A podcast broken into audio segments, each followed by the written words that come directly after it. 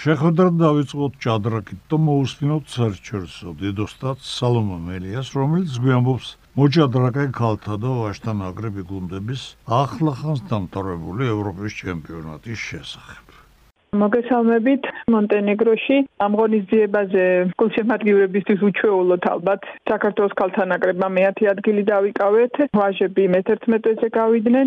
საერთო ჯამში რთულია ყოველთვის ალბათ მაქსიმალურ სპორტულ ფორმაში იყოს სპორტსმენი წელს ბევრი მნიშვნელოვანი ღონისძიება. გქონდა გავიმარჯვეთ კიდევაც და ხა ისე გამოვიდა რომ ყველა სპორტსმენი არ იყო თავის საუკეთესო ფორმაში. ხანდახან ალბათ ესეც საჭიროა რომ უფრო მეტი мотиваციისთვის შემდეგ განახლებული ძალებით შემდეგ ღონისძიებისთვის მოვემზადოთ. აქვე აღნიშნავ, რომ პირად დაფებზე, ოქროსა და ბრინჯაოს მედლები მოვიპოვეთ. ვაშთა შორის მესამე დაფაზე ბაადურ ჯობავამ, ქალთა შორის მერი არაბიძემ და ასევე მე ჩემს დაფაზე მოვიპოვე ბრინჯაოს მედალი, ასე რომ სამი მედალი საერთო ჯამში, ორი ოქრო და ერთი ბრინჯაო მაინც ჩამოვიტანეთ. სამწუხაროა, რა თქმა უნდა, რომ გუნდური მედალი ამჯერად არ მოგვიპოვებია.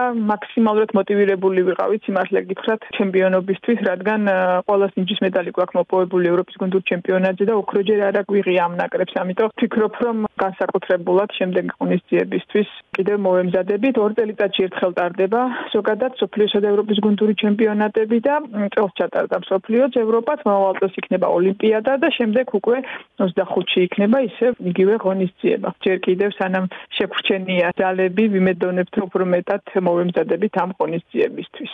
ახლა ვბრუნდებით ძიუდოს საკმაო პაუზის შემდეგ. ესე მითიყო გამოწვეული რომ ჩვენი მიმომხილველი ძიუდოს საერთაშორისო ფედერაციის კომენტატორი გიორგი ჭანიშვილი იმყოფებოდა უცხოეთში ესწრებოდა და მიხავდა შეიძლება ასე ითქვას ინფორმატორი გახლდათ დიდი საერთაშორისო ტურნირებისა და იგი გვიამბობს საინტერესო ამბებს როგორც ყოველთვის.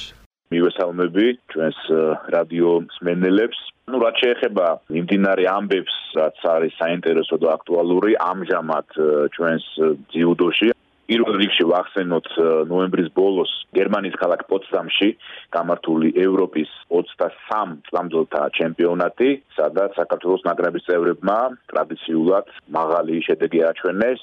ну, იცის გულშემატკივარმა ამ ასაკობრივ კატეგორიაში, ანუ ახალგაზრდებში და ასევე 23 წლამდელებში ყოველთვის გამოირჩეოდნენ ადრეც ქართველი ძიუდოისტები, ჯუდოკები და გამონაკლისი არ გახდათ არც ეს ევროპის ჩემპიონატი, სადაც ჯამში დაახლოებით 40-მდე ქვეყანა ჩავიდა გერმანიაში, 310 სპორტსმენი და აი ამ ჩემპიონატზე ქართველთა მონაგარი არის 5 მედალი, აქედან 2 ოქრო, 2 ვერცხლი და 1 ბრინჯაო. ეს რაც შეეხება ინდივიდუალურ ასპარეზობას და ასევე გუნდურ შეჯიბრში მესამე ადგილი ბრინჯაოს მედლები. რაც შეეხება ჩემპიონებს, ორი ჩემპიონი 81 კილოგრამში ზაურ დვალაშვილი გახდა ევროპის ჩემპიონი 23 წონელთან შორის და ასევე ძიმე წონაში პლუს 10-ში საბა ინანეიშვილი. ორი ვერცხლი ძალიან კარგია რომ ნინო ლოვაძე გახდა ვერცხლის პრიზიორი, ჩვენი გოგონა 57 კილოგრამში და ძიმე წონაში პლუს 10-ში ასევე ირეკლი დემეტრაშვილი და ასევე ბრინჯაოს მედალი ერთი 73 კილოგრამში კოლტე კაპანაძე მოიპოვა. საინტერესოა ის რომ ძიმე წონაში ქართული ფინალი ფინალი შედგა პლუს 100-ში, ერთმანეთს შეხვდნენ საბაინანიშვილი, როგორც გითხარით და ირაკლი დემეტრაშვილი და საბას დარჩა გამარჯვება. რაც შეეხება ასევე გუნდურ გამოსვლას, აქ სულ 9 ნაკრები მონაწილეობდა, მათ შორის ჩვენი გუნდი და ჩვენ მესამე ადგილი ავიღეთ. დავამარცხეთ აზერბაიჯანის ნაკრები 4-1.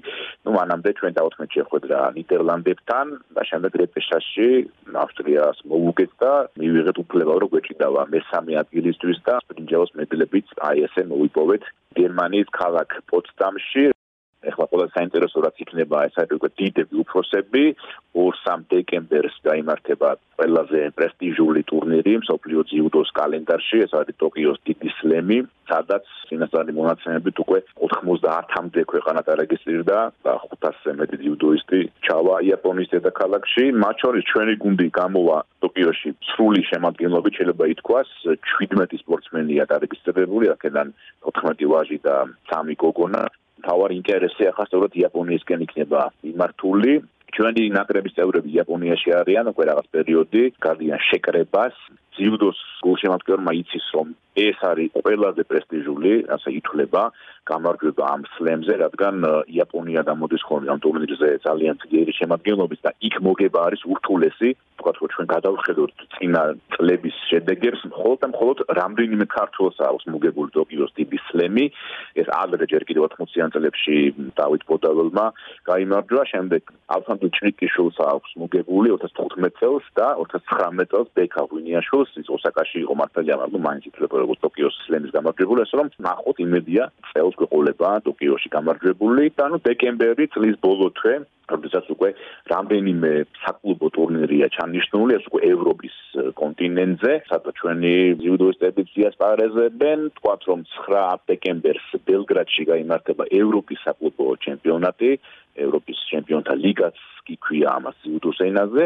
შემდეგ 16 დეკემბერს კოსოვოში ტარდება კომერციული ტურნირი არის ეს ევროპის ღია ტურნირი, სადაც მხოლოდ 73 და 57 კილოგრამ ჯონტი კატეგორიის სპორტსმენები გამოვლენ და წლის ბოლოს დაინტერესებს ესეც ჩვენს გულშემატკივარ. საქართველოს ჩემპიონატი პირველად გაიმართება თელავის სპორტის სასახლეში 27-29 დეკემბერს და ამით დაიხურება ლევანდელი საკმაოდ დაკვრთული სეზონი და ჩვენ შევხვდებით ახალ წელს, ახალ სეზონს, რომელიც უკვე ოლიმპიური წელია და ყველაფერი უკვე მიმართული იქნება პარიზის ოლიმპიური თამაშების მზადებისკენ, ასე რომ წინ ძალიან საინტერესო დაკვრთული პერიოდი ელის ძიუდოს გულშემატკივარს.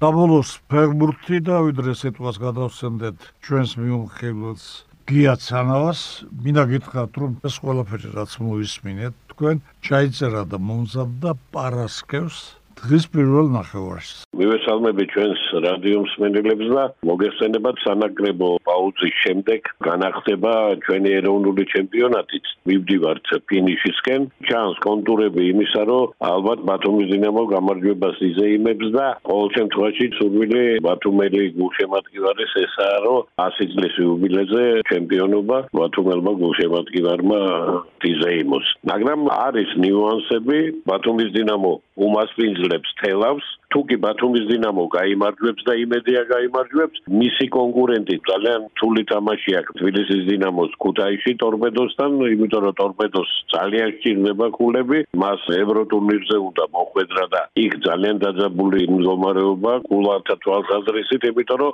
გორის დილა მოდის საბურთალო მოდის და ყველა ქულას გადამწყვეტი მნიშვნელობაც კი აქვს. ამიტომ მე ვფიქრობ რომ თელავთან გამარჯვების შემთხვევაში შანსი არსებობს რომ ბათუმის დინამომ ჩემპიონობა იზეიმოს, თუნდაც ფრედ დამთავრდება შეხვედრა ქუთაისში და თბილისის დინამოს გაცილებით უფრო რთული თამაში აქვს. ვიდრე ბათუმის დინამო, იმიტომ რომ ამ თამაშის შედეგით ყველაფერი გარკვეული იქნება და ბოლო ტურს ალბათ მნიშვნელობა იმდენად აღარ ექნება ბათუმელებისათვის, რამდენად ქუთაისელებისათვის, იმიტომ რომ ქუთაისაც ჭირდებათ გითხარით ქულები და მით უმეტეს რომ თბილისის დინამო, ბათუმის დინამო იული თამაშები არა, მაგრამ მოტივაციო უკვე გაჩემპიონებულ ბათუმის დინამოსთან მე ვფიქრობ ქუთაისის ტორპედოს უფრო გაუადვილდება თამაში, თუმცა რა თქმა უნდა ეს ფეხბურთია და არავინ იცის რა მოხდება. ასე რომ ძალიან დაძაბული სიტუაცია, მე ვფიქრობ რომ ბოლო ტურამდე მაინც ასე მგონია არ იქნება არაფერი გარკვეული და არ დაგავიწყდეთ კიდევ ერთი რამ რომ შემდეგ ტურს ბათუმის დინამო თელავის შემდეგ გამართავს თბილისში დინამოსთან. მოგეხსენებათ ექსკურსიანი სხვაობაა და მარცხის შემთხვევაში სამკულაზე ჩამოდის. სხვაობა ყოველ შემთხვევაში ერთნაირი ქულების დაგროვების შემთხვევაში თბილისის დინამო გახდება ჩემპიონი პრობლემებს წინ ნუ გაუსწრებთ ყოველ შემთხვევაში ერთი არის ფაქტი და ცხადი რომ ძალიან დაძაბული ტურები შემოგჭა და კარგია რომ ეროვნულ ჩემპიონატში თითქმის ბოლო ტურამდე არაფერია გარკვეული და ჩემპიონობაზე მართალია ორი გუნდი დინამო თბილისი და დინამო ბათუმი მაგრამ იქ ევროტურნირებზე მოსახვედრად რამდენიმე გუნდი ანუ თანაბარი გუნდებია და ბრძოლობენ.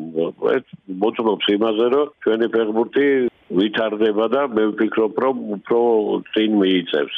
ორ სიტყვას გვიტყოდი ნაკრების თამაშზე ჩვენმა ნაკრებმა ესპანეთში ითამაშა დაუმარცხდით 3-1 და წინა ჩართვაზე მე ვთქვი რომ ჩვენ შუა ხაზში ბურთი თუ არ დავიჭირეთ ყოველთვის ძალიან გვიჭირს იმიტომ რომ შველები რომლებიც ჩვენ ყავდა უკან თამაშობენ მაქსიმალური სტრესის ქვეშ არიან იმიტომ რომ ბურთი არ ჩერდება შუაში და შეტევა, შეტევა, შეტევა და ამას გაძლება უნდა და ადამიანის შესაძლებლობები არ არის. მოუწურავი და მე ჩდება იქ გარღვევები, როცა ადამიანი იღლება, წუნიც მეტი ჩდება და ამიტომ უჭირთ ჩვენ ცველებს და მე შევდივარ ცველების მდგომარეობაში, იმიტომ რომ მათ ამოსუნთქვის საშუალება უფრო ხშირად არ ეძლებათ. თუ ჩვენ ბურთი წინ ან შუაში მეტად არ დავიჭირეთ, მაშინ ყოველთვის ასე გაგვიჭირდება და ალბათ გამარჯვებას გაგვიჭირდება. ნუ რა თქმა უნდა, ხა ესპანეთს ვეთამაშეთ, ესპანეთი რიგითი გუნდი არ არის, მასთან სოფლიოში ვინც არ უნდა იყოს, ყველას უჭირს თამაში და არც ჩვენ ვიყავით გამონაკლისი, მაგრამ მე ვფიქრობ, ფეხბურთელები, რომლებიც ახლა ეროვნულ ნაკრებში თამაშობენ, არიან იმ კლასის ფეხბურთელები, რომლებმაც უფრო უკეთესად მე ვფიქრობ ვფიქრობ და უფრო შედეგიანადაც უნდა ითამაშონ და ალბათ რაღაც რაღაცების შესაძლებელი ეს ჩემი აზრია. ამიტომ უკეთესი თამაში ვისურვოთ ჩვენი ფეხბურთელებისა, ჩვენი ნაკრებისა და არაერთი გამარჯვება კიდევ ერთხელ გვეზე იმოს. დიდი მადლობა, კარგად გრძანდება.